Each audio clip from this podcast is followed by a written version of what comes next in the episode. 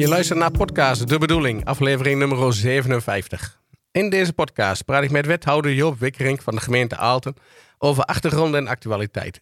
Vooral over het reilen en zeilen van de gemeente Aalten. Met een accent op de inclusieve samenleving, bestaanszekerheid en gezondheid. Mijn naam is Theo Bouwhuis, lid van de steunfractie van de Progressieve Partij in de gemeente Aalten. De titel van deze podcastserie is De Bedoeling. Immers, in onze samenleving moet het niet gaan over de wetten, de regels en de voorschriften, maar over de bedoeling. Wat is de bedoeling van het overheidsbeleid? Wat willen we met die wetten en regels bereiken? En wat doen we als die regels niet passen?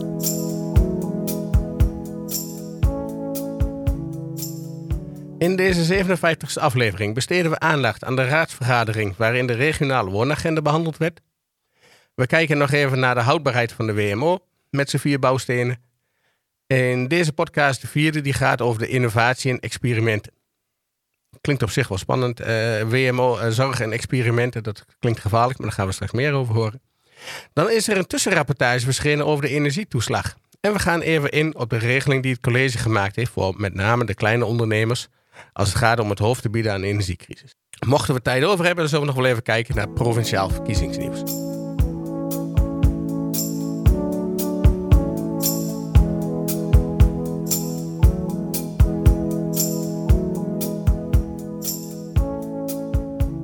Eerste regionale woondeal. Die werd behandeld in de, in de raad. Er zijn meer verbindingen met het sociaal domein dan je denkt.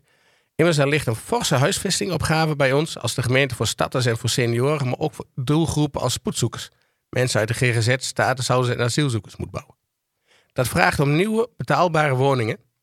Dat begrip betaalbaar is dus nog, is nogal diffuus. Want ja, wat is betaalbaar? En als je kijkt wat tegenwoordig als betaalbaar wordt genoemd, dan zijn dat enorme uh, eigenlijk enorm hoge bedragen. Die, die hoger liggen dan de gemiddelde ambtenaar zou, zou kunnen betalen. Ja, dat, zeker is dat zo. En als je het over deze doelgroepen hebt die je net noemt. Die zijn natuurlijk allemaal aangewezen op uh, sociale huur. En die groepen worden wat groter. Overigens, op dit moment uh, wordt 15% van de 180 verhuringen van de woonplaats wordt jaarlijks gereserveerd of toegekend aan deze speciale doelgroepen. Dus statushouders, mensen uit de GGZ, eh, spoedzoekers en mensen die in, in, nood zitten. Uh, er zit wel een forse druk op hoor. Dus we, we, we kunnen echt wel veel woningen nog gebruiken. Met name voor die spoedzoekers. ja, die ook onveilig zijn in hun eigen woonsituatie. Of die uit huis gezet worden bij een particuliere verhuurder omdat ze de huur niet meer kunnen betalen. Nou, daar zijn wij als gemeente verantwoordelijk voor om die fatsoenlijke huisvesting te bieden. En daar lopen we wel steeds tegenaan dat we te weinig woningen tijdig beschikbaar hebben. Want dat zijn allemaal spoedgevallen vaak mhm. voor deze doelgroepen. Dus uh, die sociale woningbouw en die sociale huur, uh, daar zit forse druk op. En dat hebben we ook als college wel ge onderkend. Uh, en nou, je weet natuurlijk net zo goed als ik dat het uh, uit de grond stampen van een woonwijk uh, met sociale woningbouw, dat doe je niet in twee dagen. Nee, zelfs niet in twee jaar soms. Dat heeft lange procedures nodig. En nu ook natuurlijk met de stijgende energieprijzen, met de stijgende materiaalprijzen, ligt er ook een fors prijskaartje aan. Dus wat we in elk geval gedaan hebben, is een projectleider uh, huisvesting doelgroepen aantrekken. Ik heb hem vrijdag voor het eerst gesproken. Hij komt uh, zo rond 1 april. Uh, en dat is dus iemand die zeg maar, in de markt gaat kijken van wat voor mogelijkheden hebben we nu om deze, om deze doelgroepen te huisvesten. Er is al een soort lijst gemaakt en die wordt ook met de gemeenteraad besproken en, en gebrainstormd. En nou ja, daar kun je natuurlijk allemaal niet in de openbaarheid aan de orde stellen. Dat moet eerst goed over nagedacht worden. En zo'n projectleider speelt daar dan een goede rol uh, in.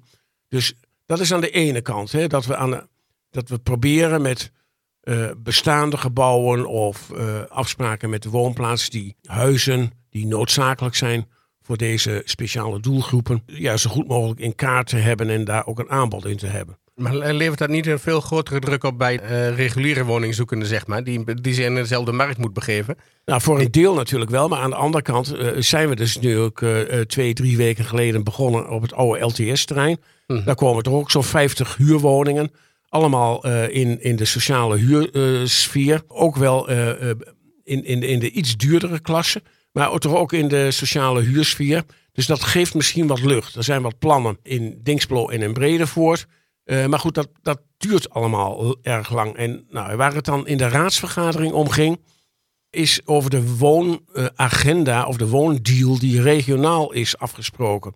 Uh, samen met de minister, die komt ook op 8 maart volgens mij naar Doetinchem toe om die woondeal met de Achterhoek uh, te ondertekenen. En wat is die woondeal? Die is, die is zeg maar opgesteld door de drie O's in de Achterhoek. Hè, de ondernemingen, de overheid en de, de instellingen, de organisaties waarin we in de thematafels uh, samenwerken. En er is een soort verdeling uitgekomen in nauw overleg met de provincie. En die houdt voor de gemeente Aalten in dat wij tot 2032 zo'n duizend woningen uh, zouden erbij kunnen bouwen.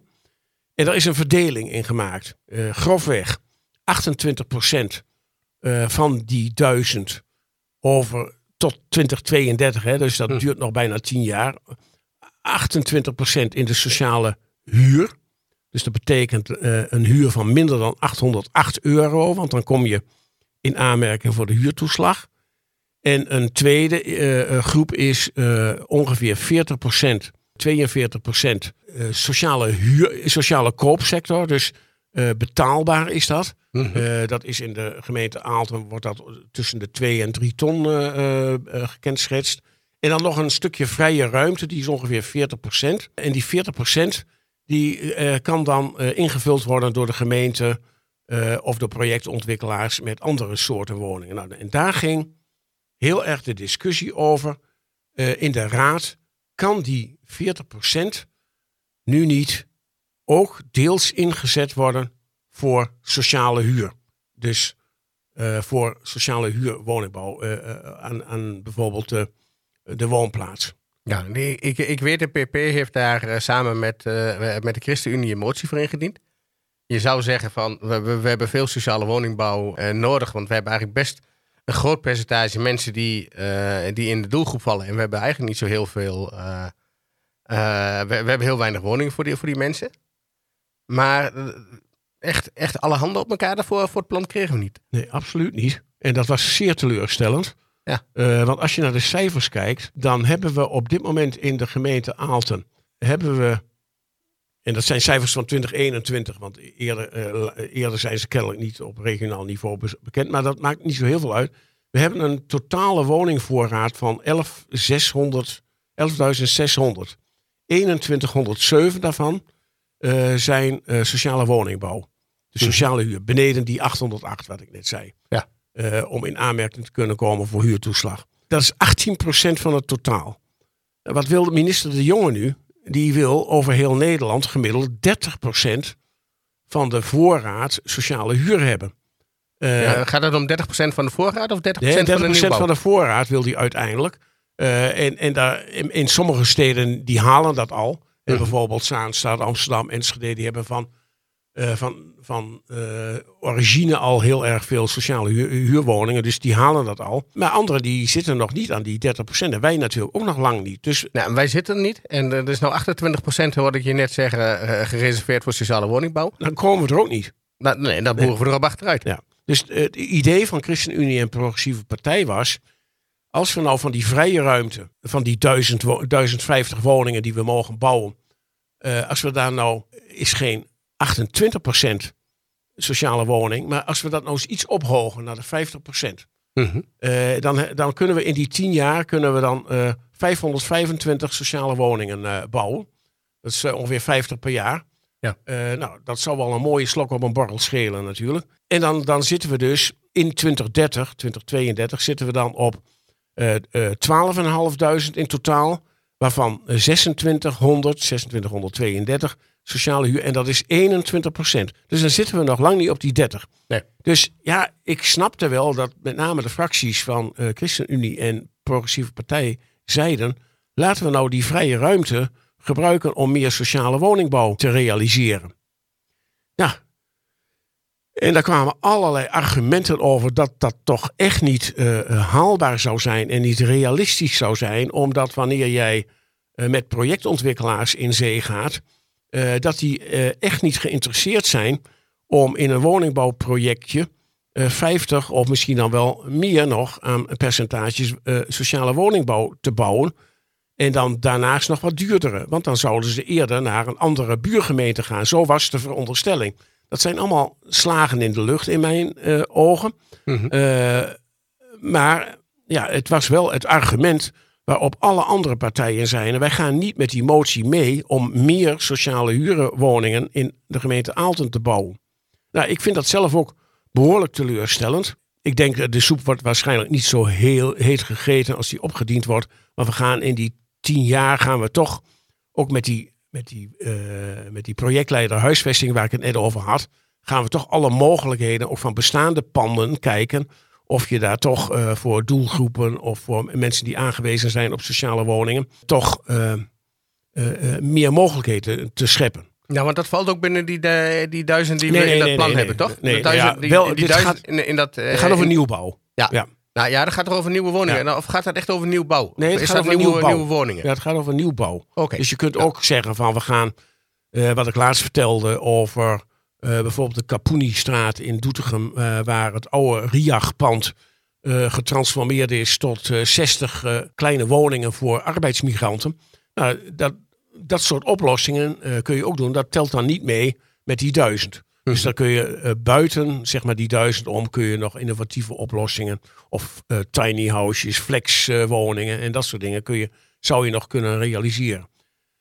Goed, dat was dus wel teleurstellend en ook voor mij wel, omdat ja, juist in dat sociaal domein natuurlijk de mensen zitten die aangewezen zijn op die huurwoningen. We waren vorige week maandagavond, heeft het college geholpen met een projectje Etend Ontmoeten heet dat. Mm -hmm. er zijn mensen die alleenstaand zijn of ja, nodig er is uit moeten. En die, die kunnen dan een maaltijd en een gezellige avond krijgen. Dat wordt door zo'n groepje rond Viegelus georganiseerd. Nee, er waren ook wat oudere mensen. En die oudere mensen die willen steeds maar best wel kleiner wonen. Mm -hmm. uh, alleen er is niks. Ook niet voor die ouderen. En als er wat is, is de huurprijs nog vaak hoger dan de woning die ze verlaten. Dus ja. er, er, moet ook iets in die doorstroming moet gebeuren. Uh, want dat was het tweede punt natuurlijk in die hele discussie in de raad. Uh, ja, iedereen die heeft dus dan over doorstroming. Ja. Maar als je kijkt naar mensen die in huurwoningen zitten, die dus beneden de huurtoeslagsgrens zitten, die kunnen 800 euro huur uh, kan de woningeigenaar daarvoor vragen. Dat zijn vaak mensen met een relatief laag inkomen. En dat is allemaal precies uitgerekend, ook door uh, onze fractie. Deze mensen kunnen dus niet in aanmerking komen om bijvoorbeeld door te stromen naar een nieuwbouwwoning die, uh, of een nieuwbouwkoopwoning. Ook niet als het een betaalbare woning is tussen die twee of die drie ton. Mm -hmm. Die, punt 1 zijn die er heel weinig. Punt 2 uh, kunnen mensen met een minimuminkomen geen hypotheek krijgen voor dit bedrag. Dus je kunt wel roepen, al die mensen die in huurwoningen zitten uh, die moeten, wanneer ze wat verder zijn in hun wooncarrière, uh, moeten die naar een betaalbare koopwoning. Dat was vroeger het adagium. Hè? Je moest mm-hmm. een eigen woning hebben, want dan telde je pas mee. Ja. Uh, en, en, en huren, dat was een beetje voor losers. En, en, en echte winners, die hadden allemaal een eigen woning. Dat is al lang niet meer zo, omdat die woningen, de eigen woningen, ja, ook nauwelijks meer te betalen zijn voor mensen met een laag inkomen. Dus die doorstroming, dat is, een, uh, dat is maar een fake argument, want die is er gewoon niet. Doorstroming is op dit moment ongeveer 3%. Uh, en dat, dat redden we dus niet als we niet aan de onderkant uh, sociale huurwoningen bijvoegen. Nou, dat was het hele discussie. En toch blijven dan de meeste partijen hangen in het idee: nee, als wij te veel sociale woningen, sociale huurwoningen moeten gaan bouwen, dat krijgen we niet spits met de aannemers en de projectontwikkelaars. En die vluchten dan naar een andere uh, stad of een ander dorp. Een argument wat uit de lucht gegrepen is. Ja. Een van de partijen had ook nog even met een aannemer gebeld. En die had gezegd: Ja, dat is zo. Ja, ja tuurlijk. Uh, natuurlijk, als een aannemer uh, meer kan verdienen ergens, dan, dan gaat hij er misschien heen. Maar als je hem verplicht en als, je hem, als iedereen de, de druk op de ketel zegt: Jongens, dit zijn de prijzen, daar kun je voor bouwen dan lok je ook innovatie uit. En dat is natuurlijk ook het grote punt. Hè? De aannemerswereld die is ook behoorlijk in transitie. Kijk naar de Groene Kamer, waar we laatst ook met z'n tweeën op uh, excursie zijn geweest. Daar zijn... Uh, uh, ja, zijn, daar speelt eigenlijk wat je noemt als, als, als, als drukmiddel voor, voor vernieuwing. Dat heeft daar heel erg gespeeld. Zeker, ja. Firma is naar een andere, andere systematiek gaan, gaan kijken dan, dan het zelf bouwen. Ja. Om het betaalbaar te houden. En daar, daar zijn woningen ontstaan van ongeveer 250. Mhm. Nou ja, die 250, dat zijn wel woningen voor jonge mensen die boven modaal verdienen, met z'n tweeën uh, verdienen. En uh, uh, dat, zijn, dat zijn bijvoorbeeld geen woningen die 240 kunnen niet betaald worden door alleenstaanden met een minimuminkomen. Nee. Dus die, die doorstroming waar we het net over hebben, die vindt niet plaats vanuit sociale huurwoningen met mensen met een laag inkomen. Maar die, die vindt wellicht plaats, of die woningen worden wellicht gekocht door starters die met z'n tweeën redelijk verdienen. En daar dus een hypotheek over kunnen hebben. Ja, en Die mensen moet je ook helpen. Is ook goed. Ik wil nog zeggen, en nooit gedwongen lang bij de ouders hebben gewoond Zeker, en dus zeker. hebben kunnen sparen. En we hebben kunnen sparen, ja. Dus eh, eh, nou ja, de, de hele, en op zich was dit natuurlijk best een, een, een discussie in de raad die ergens over ging. Hè, Ja. het, het, ging. Het ging ook over visies. Het ging ook over waar zijn wij voor als gemeente? Zijn wij ervoor om eh, woningen mogelijk te maken eh, van, eh, laten we zeggen, 4, 5, 6 ton? Of zijn wij ervoor om woningen te realiseren voor mensen die het wat minder hebben en die, zoals ook in de volkshuisvestingswet altijd stond, niet op eigen kracht in staat zijn om in hun huisvestingsbehoeften te voorzien. Ik vind dat een overheidstaak. Ja. En nou ja, dat is ook een beetje een wat, wat links standpunt natuurlijk. En hier zag je ook dat links en rechts eh, behoorlijk tegenover elkaar stonden. Eh ChristenUnie en Progressieve Partij. Eh, die zeiden ja, wij willen volop en meer dan nu inzetten voor die sociale woningbouw.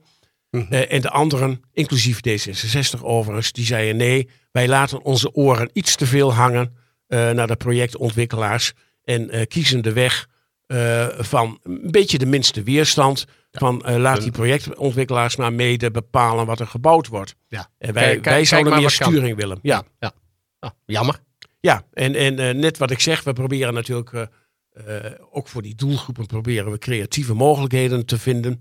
Maar ja, goed, het is natuurlijk wel, ja, het is ook 15 maart is de, zijn de provinciale Ja, statenverkiezingen. maar, maar je, je noemde net trouwens, ik zit me nou net, net te bedenken, je noemde net D66 wel als voorbeeld, ook die was tegen.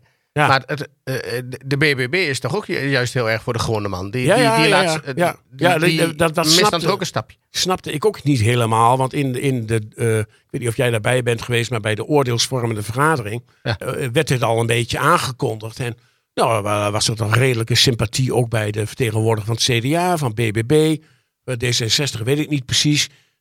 Maar goed, dan toch uiteindelijk kiest men eh, voor een wat, denk ik, veilige weg. Eh, en, en, maar, maar de praktijk daarvan is dat dus eh, de mensen met een minimuminkomen nog te weinig kansen en te weinig mogelijkheden krijgen om in Aalten een sociale woning, een sociale huurwoning te betrekken. En onze partij is daar gewoon voor. En ik snap heel goed dat met name met alle complimenten ook aan, aan ons raadslid Bert Wevers, die dat allemaal bijzonder goed heeft uitgezocht, ook heel, heel veel complimenten kreeg over passie en over goed geïnformeerd zijn en over eh, zeg maar een hele sympathieke motie vond iedereen het. Maar daar heb je allemaal niks aan, aan Nee. dat soort eh, woorden van eh, wat is dit toch een sympathieke motie en wat breng je toch vol deskundigheid en, en passie, evenals als meneer Holtman van de, van de ChristenUnie. Uiteindelijk werd hij wel weggestemd, die motie. Ook al was, werd hij gepassioneerd gebracht en was hij heel sympathiek en werd Ja. hij heel deskundig gebracht. Ja. Nou, dat is wel eh, teleurstellend. Maar Ja, ja het is toch wel bijzonder dat je tegen iets bent wat sympathiek ja, is. ja. Er komt natuurlijk nog een andere kans. 15 maart zijn er verkiezingen voor de provinciale staten. Dan moeten mensen goed opletten, denk ik, eh, eh, wat, wat partijen nu werkelijk met die woon, woningbouw vinden. Want het is een, het is een zwaar issue hè, in de provinciale verkiezingen ook. Terecht En- ook, denk ik. Terecht. en, want iedere gemeente zit hiermee. En we krijgen natuurlijk nog een lokale invulling voor deze eh, regionale visie. En dan zijn er weer kansen natuurlijk om op eh, projectniveau en op eh, perceelsniveau toch weer te pleiten voor meer sociale huurwoningen. Ja. En dat zal de progressieve partij zeker doen, zo ik inschat. Oké, heel goed. En dan, dan is er in ieder geval nog ruimte voor, voor hoop. Gaan we dat toch een beetje positief afronden? Ja. On- ondanks eh, eh, de- het trieste bericht dat een sympathieke motie eh, door de anderen niet sympathiek genoeg werd gevonden. Even muziek en dan gaan we naar de WMO.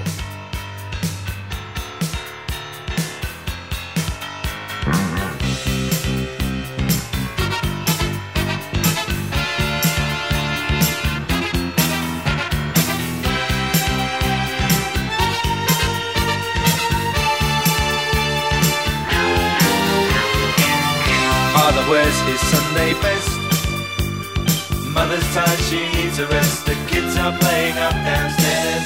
Sister's sighing in her sleep. Oh. Brother's got a date to keep, he can't hang around.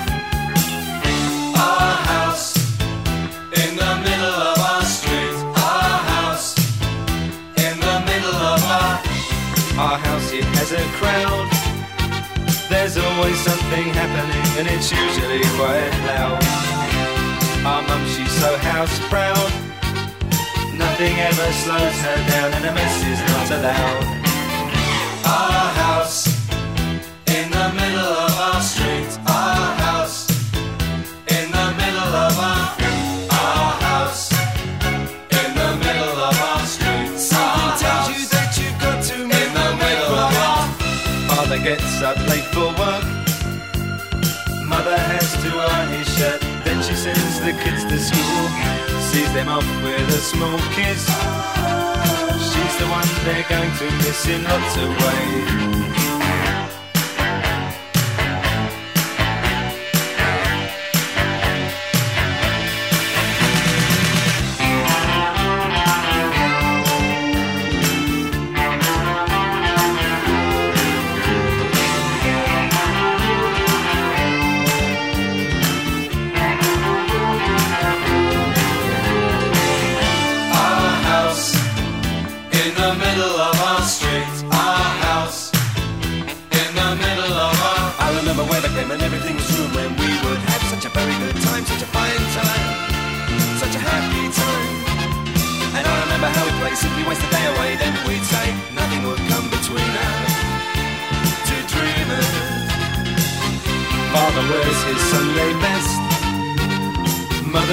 She needs a rest. The kids are playing up downstairs.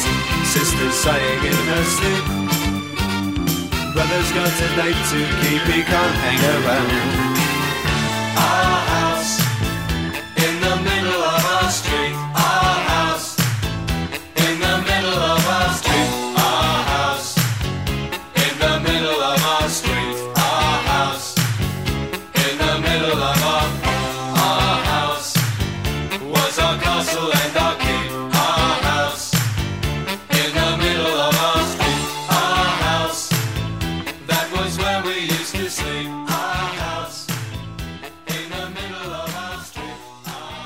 eh, verder met ons eh, vierluik. In de vorige drie podcasts hebben we aandacht besteed aan de houdbaarheid van het zorgstelsel en vooral de WMO, de Wet Maatschappelijke Ondersteuning. Dat is een soort manifest van gemeentes en eh, zorgorganisaties getiteld Naar meer preventie, inclusie en samenwerking. Daar zaten vier bouwstenen in, drie hebben we ervan eh, gehad. Meer betrokkenheid van de samenleving, meer inclusief. De derde ging over partnerschap, hebben we ook gehad tussen aanbieders en opdrachtgevers. De vierde die we nu bij de kop pakken, zoals ook de laatste van het vierluik dan, hè, ehm, gaat over innovatie en experimenten. Ik zei het daar straks al, ik vind dat een beetje spannend klinken als het gaat over WMO, over zorg. Dan praat je toch over kwetsbare dingen. Eh, dat in combinatie met experimenten. Hoe moet ik dat zien? Ja, nou, ik, heb, ik zal eh, straks een heel mooi voorbeeld noemen. Eh, maar innovatie is natuurlijk van belang. dat we niet altijd de dingen blijven doen zoals we die gedaan hebben. Ik kreeg van de week een heel mooi voorbeeld van een soort tillift in combinatie met een douchestoel. Eh, waarin mensen eh, zeg maar eh, wel met hulp uit bed eh, ge- gehaald konden worden en ook onder de douche konden. Dat gaat nu altijd in, in en een lift en een stoel en Mhm. daar, daar zijn wat nieuwe modellen voor en die zijn ze nu aan het uitproberen. Op het gebied van digitalisering speelt er natuurlijk van alles. Dus dat wordt hiermee bedoeld. We moeten echt zorginnovatie gaan toepassen. Eh, we hebben ook een heel mooi eh, samenwerkingsverband met een aantal eh, verzorgingshuizen en een aantal andere gemeenten. Dat heet TZA. Ik ben even kwijt wat die afkorting precies betekent, maar die hebben in de Dru in Ulft hebben ze een soort showroom waarin allerlei zorghulpmiddelen staan ook hele innovatieve dingen. Die je dan ook even kunt uitproberen als thuishulp of als ziekenhuis of als eh, verzorgingsunit. Eh, nou, dat werkt ook verder allemaal wel goed. Eh, er zijn een, hoop ontwikkelingen in. Dus dat is een beetje eh, die, die zorginnovatie. Ten tweede heb je natuurlijk ook een hele organisatorische eh, innovatie. En nu is alles Ja. nog via kokers georganiseerd. Hè. We hebben hier vaker over gehad. Mhm. Als jij in een verzorgingshuis zit en je hebt 24 uur zorg nodig, dan heb je, val je onder de wet langdurige zorg. Als je eh, nog thuis kunt wonen, maar geen 24 uur zorg nodig hebt, maar onder hulp en ondersteuning onder de WMO. De wijkverpleging valt onder het zorgkantoor, onder de ziektekostenverzekering. Ja, dan moet je van de ene regeling naar de andere, omdat je zorgbehoefte toeneemt. Dan krijg je een, eh, Ja. eh, een zuster op visite met, met een stel formulieren. Ja, ja het is echt, echt, echt ja, overgeorganiseerd. En nou ja, waar we het hier vaker over gehad hebben, ook in, in die organisatie kun je innoveren, namelijk dat je steeds meer legt bij de sociale basis. Dus dat je, dat je de schakels maakt eigenlijk tussen die organisaties en ook de leef- en omgevingswereld van de mensen, eh, die gebaseerd zijn op vertrouwen en niet zozeer op allerlei eh, protocollen en op allerlei rekeningen die gestuurd moeten worden. En ik heb daar wel een heel mooi voorbeeld van. Eh, dat is de zorgcorporatie, niet coöperatie, maar de zorgcorporatie in Marienvelde. Eh, ook een beetje ontstaan in 2017, denk ik, 2018. Eh, uit nood geboren. Hè, want Marienvelde is een klein dorp, 140 inwoners. Nou, daar gingen wat voorzieningen weg. Ze hadden wel een mooi gemeenschapshuis of een MFA noemen ze dat, multifunctionele accommodatie. En wat hebben ze toen gezegd? Wij, wij gaan eens kijken of wij eh, vrijwilligerswerk, of wij zorg en of we ondersteuning bij elkaar kunnen brengen. En daar is een heel mooi systeem ontstaan van buurtbewoners eh, die bijvoorbeeld helpen eh, kinderen bij hun huiswerk. Waardoor die kinderen op school kunnen blijven, daar waar ze op school zijn en niet, weet ik veel, ver hoeven fietsen. Of dat er dorpsbewoners zijn die allerlei activiteiten in die MFA doen om een beetje fit te blijven. Eh, gymnastiek, bejaardengymnastiek enzovoort enzovoort. Eh, maar ook eh, om daar in de gaten te houden, is er iets mis met zo'n oudere of met zo iemand in, in de, die, die ook nog begeleiding krijgt van jeugdzorg. Kunnen we daar niet met z'n allen een beetje dat in de gaten houden? En als het zeg maar niet meer gaat, dat we dan ook eh, in die zorgcorporatie iemand hebben die professioneel is en die een indicatie kan doen voor verdere hulpverlening. Mhm. Eh, of door kan verwijzen naar de huisarts. Er zit ook de praktijkondersteuning van de hui- huisarts zit daar in dat gebouw.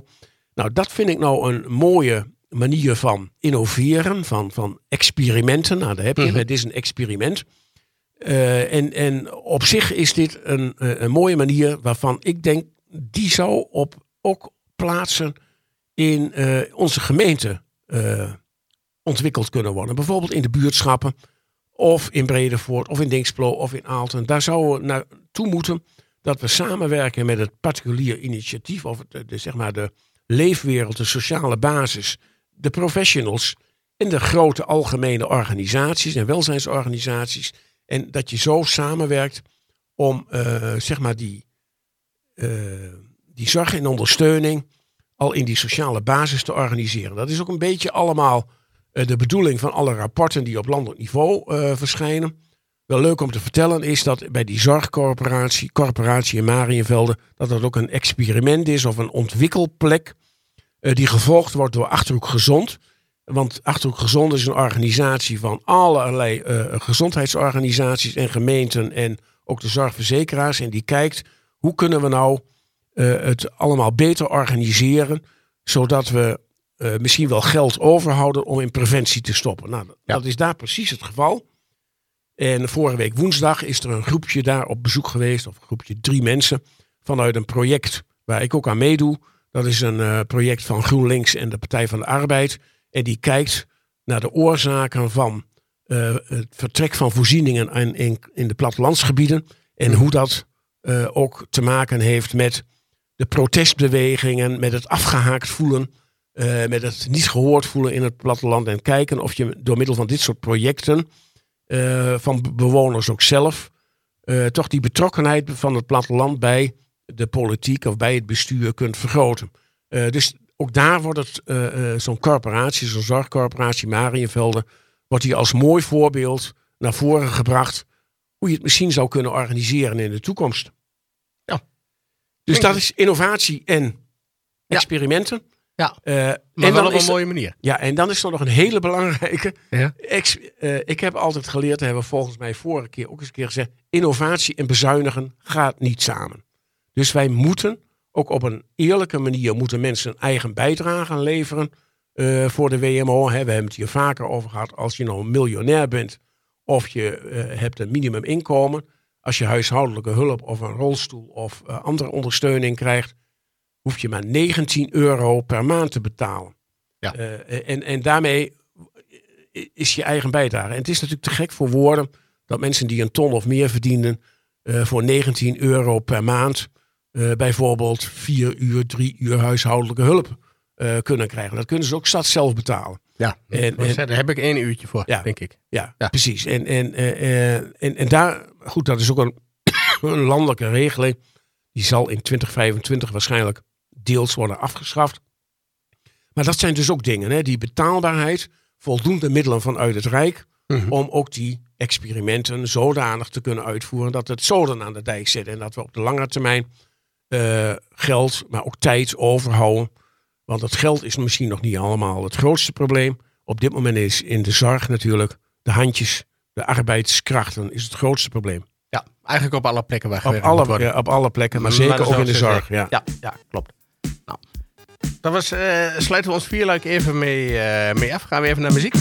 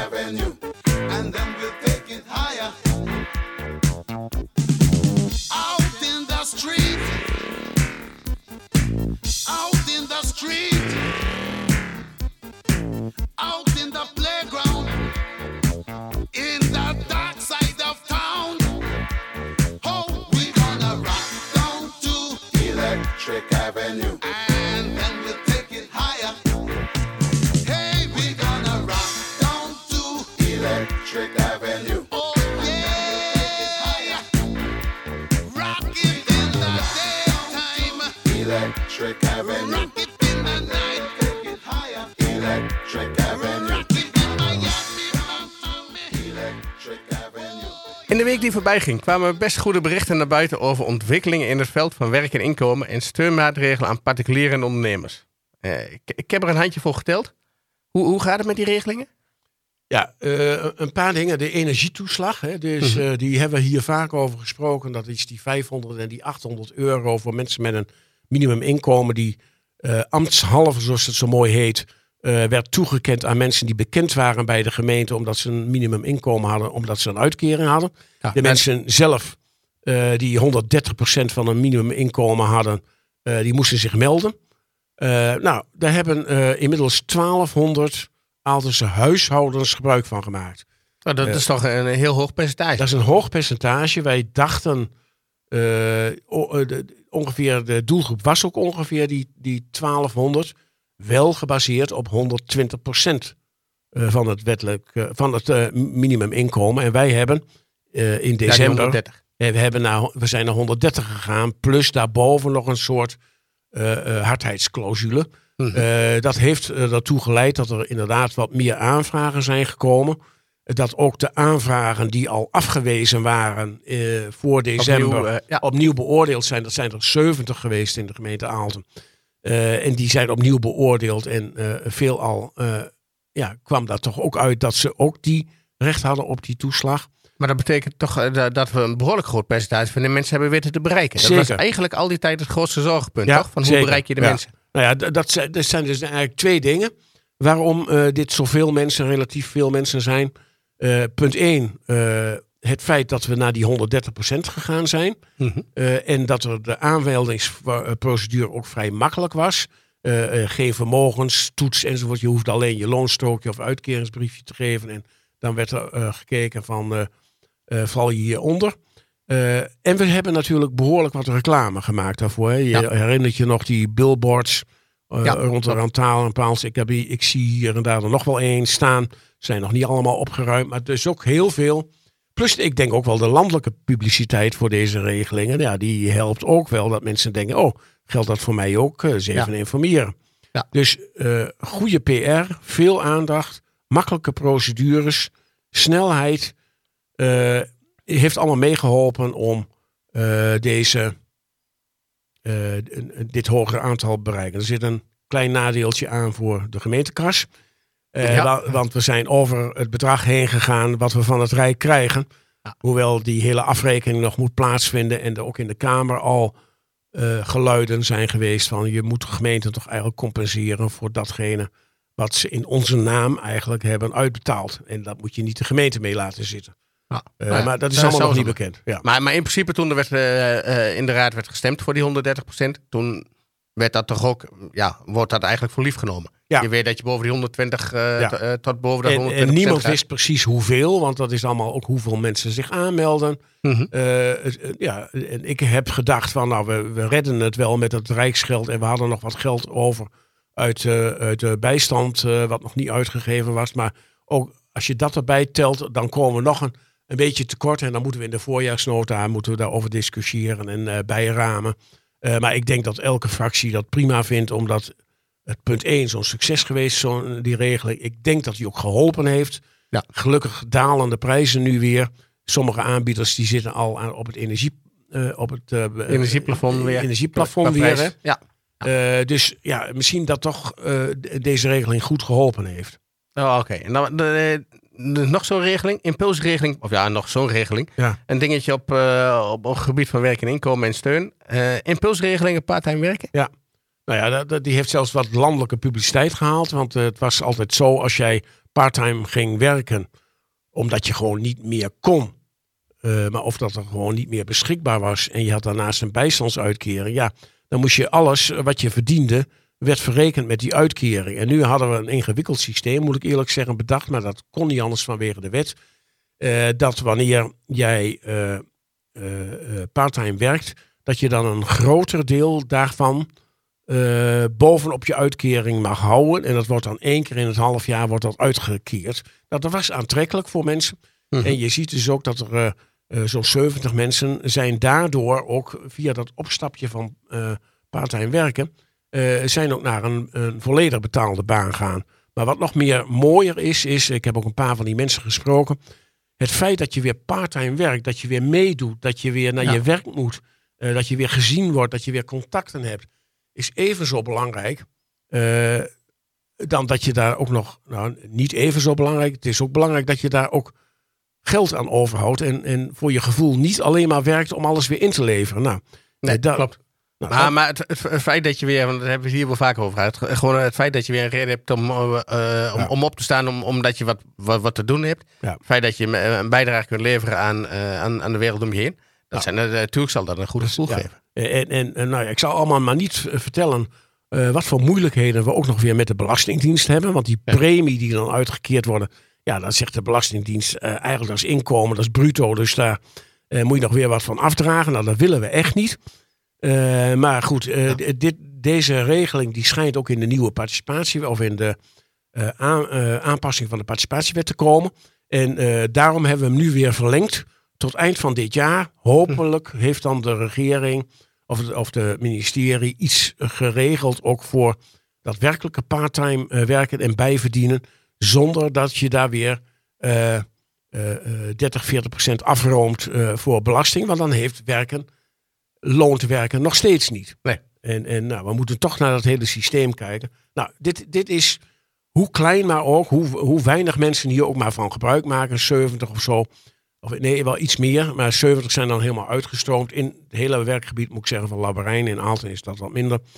Toch vind ik het een mooi voorbeeld van eh, dat je echt iets kunt doen voor mensen in de bijstand om eh, hun te stimuleren om eh, ook in een parttime opstapje aan het werk te gaan. En let wel, ik herhaal dat hier steeds weer.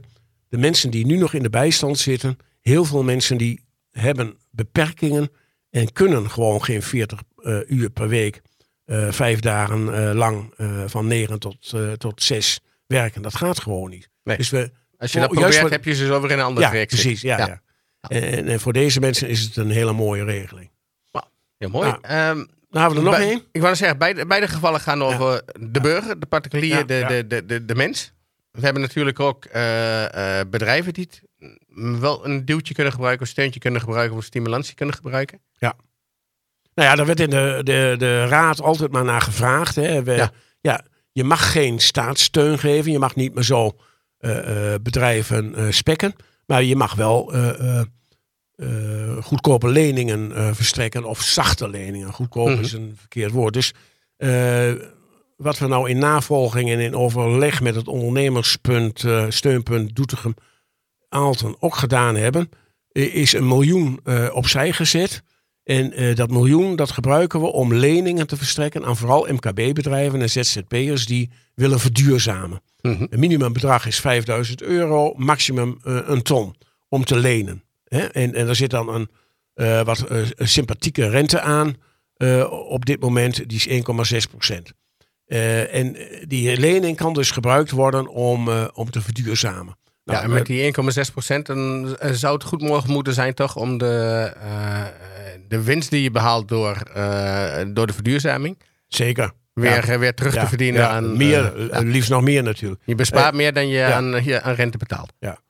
Eh, eh, en, en bij kleine leningen eh, tot 50.000 euro hebben we ook gezet. Dan gaan wij als gemeente ook uit die pot de afsluitkosten eh, vergoeden. Ongeveer 1500 tot een maximum van 1500 euro. Dus dat je Mhm. dus niet daar tegenaan zit te hikken. En we hopen natuurlijk dat die verduurzaming eh, een direct gevolg heeft voor de energiekosten. En want daar is het steeds om begonnen. Hè. Daar hebben Ja. we ook discussies over in de raad gehad. En gezegd, nou, wij willen wel eh, geld beschikbaar stellen om een energiescan te maken. Nou, daarvan zeiden sommigen, nou, dat hebben de meeste bedrijven al gedaan. En kom met een lening om die duurzaamheidsmaatregelen ook eh, mogelijk te maken. Nou, dat heeft het college eh, eh, nu aan de gemeenteraad voorgesteld. Dat, daar moet nog wel een klap op gegeven worden. Ja. Maar ik denk dat iedereen daar wel voor is. Omdat je op deze manier natuurlijk ook niet alleen maar direct geld geeft, maar juist de kosten bespaart op energiemaatregelen, op energie. En, en ja, dat kan iedereen goed gebruiken. Een, een tweede is wel, er zijn natuurlijk ook een groot aantal eh, eh, landelijke maatregelen. En ook gewone gemeentelijke maatregelen. Die kunnen allemaal opgevraagd worden en bekeken worden bij het ondernemerssteunpunt eh Aalten Doetinchem. Maar wat misschien ook wel goed is om te vertellen is eh, dat op 21 maart uiteindelijk die toeslag eh, energiekosten eh, voor de bedrijven open gaat.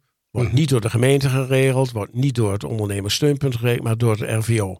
De Rijksdienst voor Ondernemers.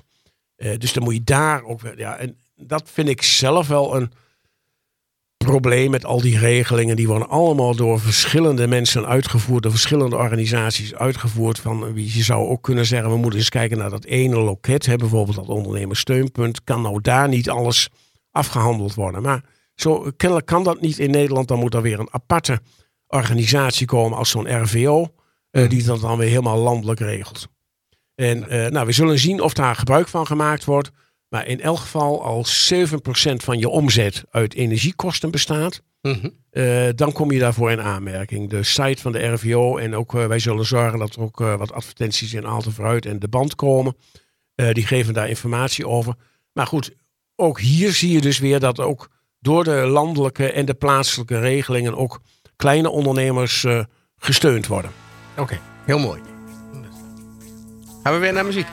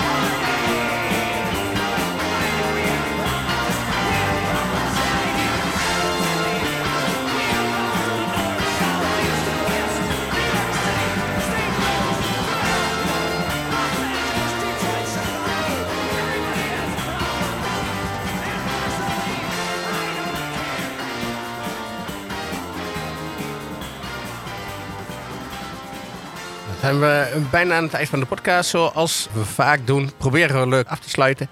En we willen natuurlijk ook leuk eh, de- afsluiten met iets over de, over de verkiezingen. Want eh, eh, op het moment dat wij dit opnemen, hebben we nog tien dagen tot de verkiezingen.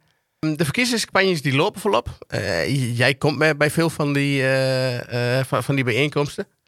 Nog leuke dingen? Ja, ja, ja, ja. Ja, leuk. Soms ook wel een beetje irritant. Hè. Eh, eh, eh, dan zie je, en nou, dat zul jij ook hebben, als je dagelijks met, met gemeentepolitiek bezig bent en met gemeentelijk besturen, dan zie je soms dat in zo'n zaal, waarin dan mensen hun zegje mogen doen, soms zo'n loopje met de feiten genomen wordt. En iedereen mag maar van alles roepen, Ja. zonder dat er een context gegeven wordt. Iedereen mag ook van alles roepen wat helemaal niets met de provinciale staten te maken heeft. Bijvoorbeeld afgelopen donderdag waren we in Amphion, waarin eh, een partij, ik meende dat de BBB was, of die eh, partij BV voor Nederland, die begon een hele verhaal over het mest uitrijden en de derogatie. Hè, die regeling die in Brussel is afgesloten, hè, dat Nederland niet meer meer mest op mag rijden dan andere eh, Ja. landen in Europa. En een heel verhaal dat tegen, ja, maar daar gaat de provincie dus niet over. Nee. En dat heeft geen enkele zin om die regeling in zo'n eh, in zo'n debat te betrekken. Je moet kijken van wat kan de provincie doen aan woningbouw, aan ruimtelijke ordening, eh, straks aan het stikstofbeleid en bevraag daar eh, de provincie op en, en lever daar je ideeën. En de provincie Gelderland is daar best ver mee in met gebiedsgerichte aanpakken. om samen met, met de, de gebiedseigenaren, bewoners, ja, toch ook plannen te maken die goed zijn voor de natuur. Die de natuur herstellen. En die ook een zekere kans bieden voor de aanwezige agrariërs. Om via natuur-inclusief boeren eh, toch ook een, een stevige cent te verdienen. Ja, dat die ook gewoon een goede boterham kunnen verdienen. ja. Ja. Wat dat betreft was het wel leuk van de Partij van de Dieren. Die zei eh, ook een beetje hetzelfde als de progressieve partij. Wij willen niet minder boeren, wij willen meer boeren, maar minder vee. Ja. Extensiever. Ja. Nou, wat ik erg grappig vond, is ook over dat fact-free verhaal. Iedereen mag maar van alles roepen. De boer-burgerbeweging die eh, riep... Wij willen twee kerncentrales in Gelderland. En weet u dat dat maar afval oplevert van één bananendoos vol? Nou, iedereen klappen. Hoeveel, hoezo? Afval van één banaan. Wat voor afval? Hoe giftig? Hoe... Dus eh, dat soort... Ja, ik vond het bijna lachwekkend. Een andere, jaar 21, eh, die beweerde dat wanneer elke vrije ruimte in Gelderland ingenomen zou worden door windmolens en door zonnepanelen, dat we dan nog niet genoeg energie zouden kunnen opwekken voor heel Gelderland. Het is een ontzettende belachelijk maken van eh, eh, eh, natuurlijke of duurzame energie. En dat klopt natuurlijk ook helemaal niet. Maar dat mag allemaal gezegd worden. En, en gespreksleiders grijpen niet in. Andere partijen reageren er niet op. Nou ja, en dat is aan de ene kant dus vermakelijk. Aan de andere kant ook heel ergelijk. Dat is ook wel een beetje triest inderdaad. En tenslotte, eh, we, we wouden altijd nog met leuke dingen afsluiten. Hè? Ja. Eh, misschien een oproep, natuurlijk punt 1, om 15 maart te gaan stemmen. Ja. Eh, punt 2, het liefst wel op partijen die natuurlijk ons nastaan. Ja. Partij van de Arbeid, GroenLinks, Partij voor de Dieren. SP denk ik ook hier en daar nog wel. Maar er is ook nog een, een interessante bijeenkomst aanstaande vrijdag 10 maart om 8 uur in de Koppelkerk. Want daar gaan we het hebben, is een meet-up over de kloof. En de kloof tussen stad en platteland. De kloof tussen rijk en arm. De kloof tussen praktisch opgeleid en hoger opgeleid. Al die kloven die we hebben in onze maatschappij op dit moment. En eigenlijk is de bedoeling eh, hoe met elkaar na te denken. Hoe dichten we nou die kloof? Niet om hem steeds maar te noemen. eh, maar hoe dichten we nou die kloof? En eh, er zijn twee inleiders.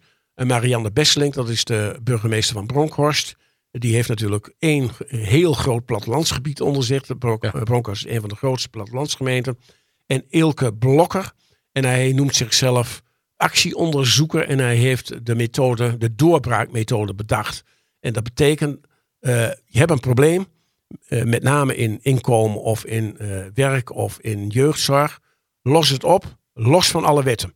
Ja, daar gaat hij dus over vertellen. Spreekt mij enorm aan.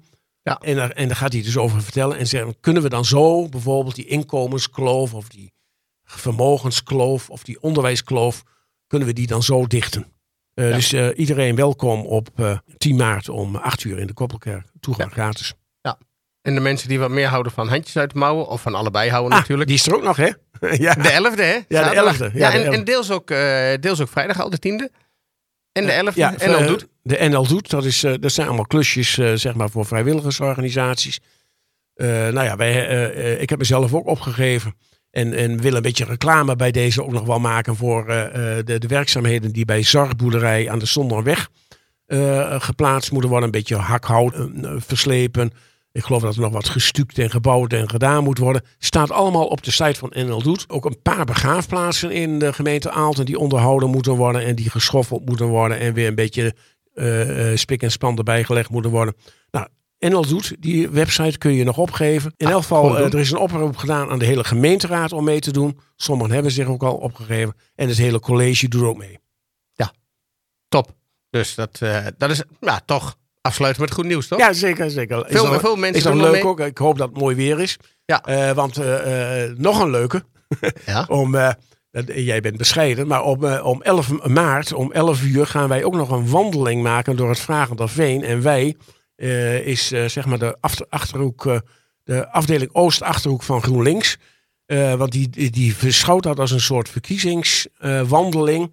wij willen graag laten zien eh, dat de natuur in het Vragenderveen heel mooi is. En dat die op een bijzondere manier, namelijk in het markensysteem, wordt onderhouden. En wellicht is dat een voorbeeld voor andere natuurgebieden in Nederland.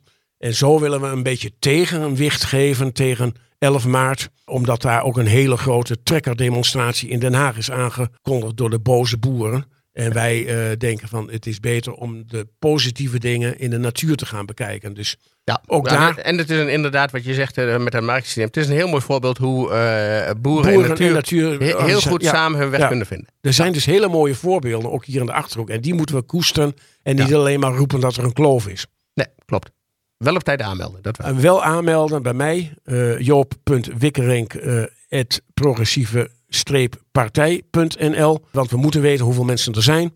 En we moeten eh, bepalen waar de startlocatie is. En dat soort praktische dingen moeten dan even doorgegeven worden. Klopt. Vind ik het mooi om mee af te sluiten. Bedankt eh, voor je tijd, Joop. Ja, En tot over ja twee jij weken. ook. Ja, tot ziens.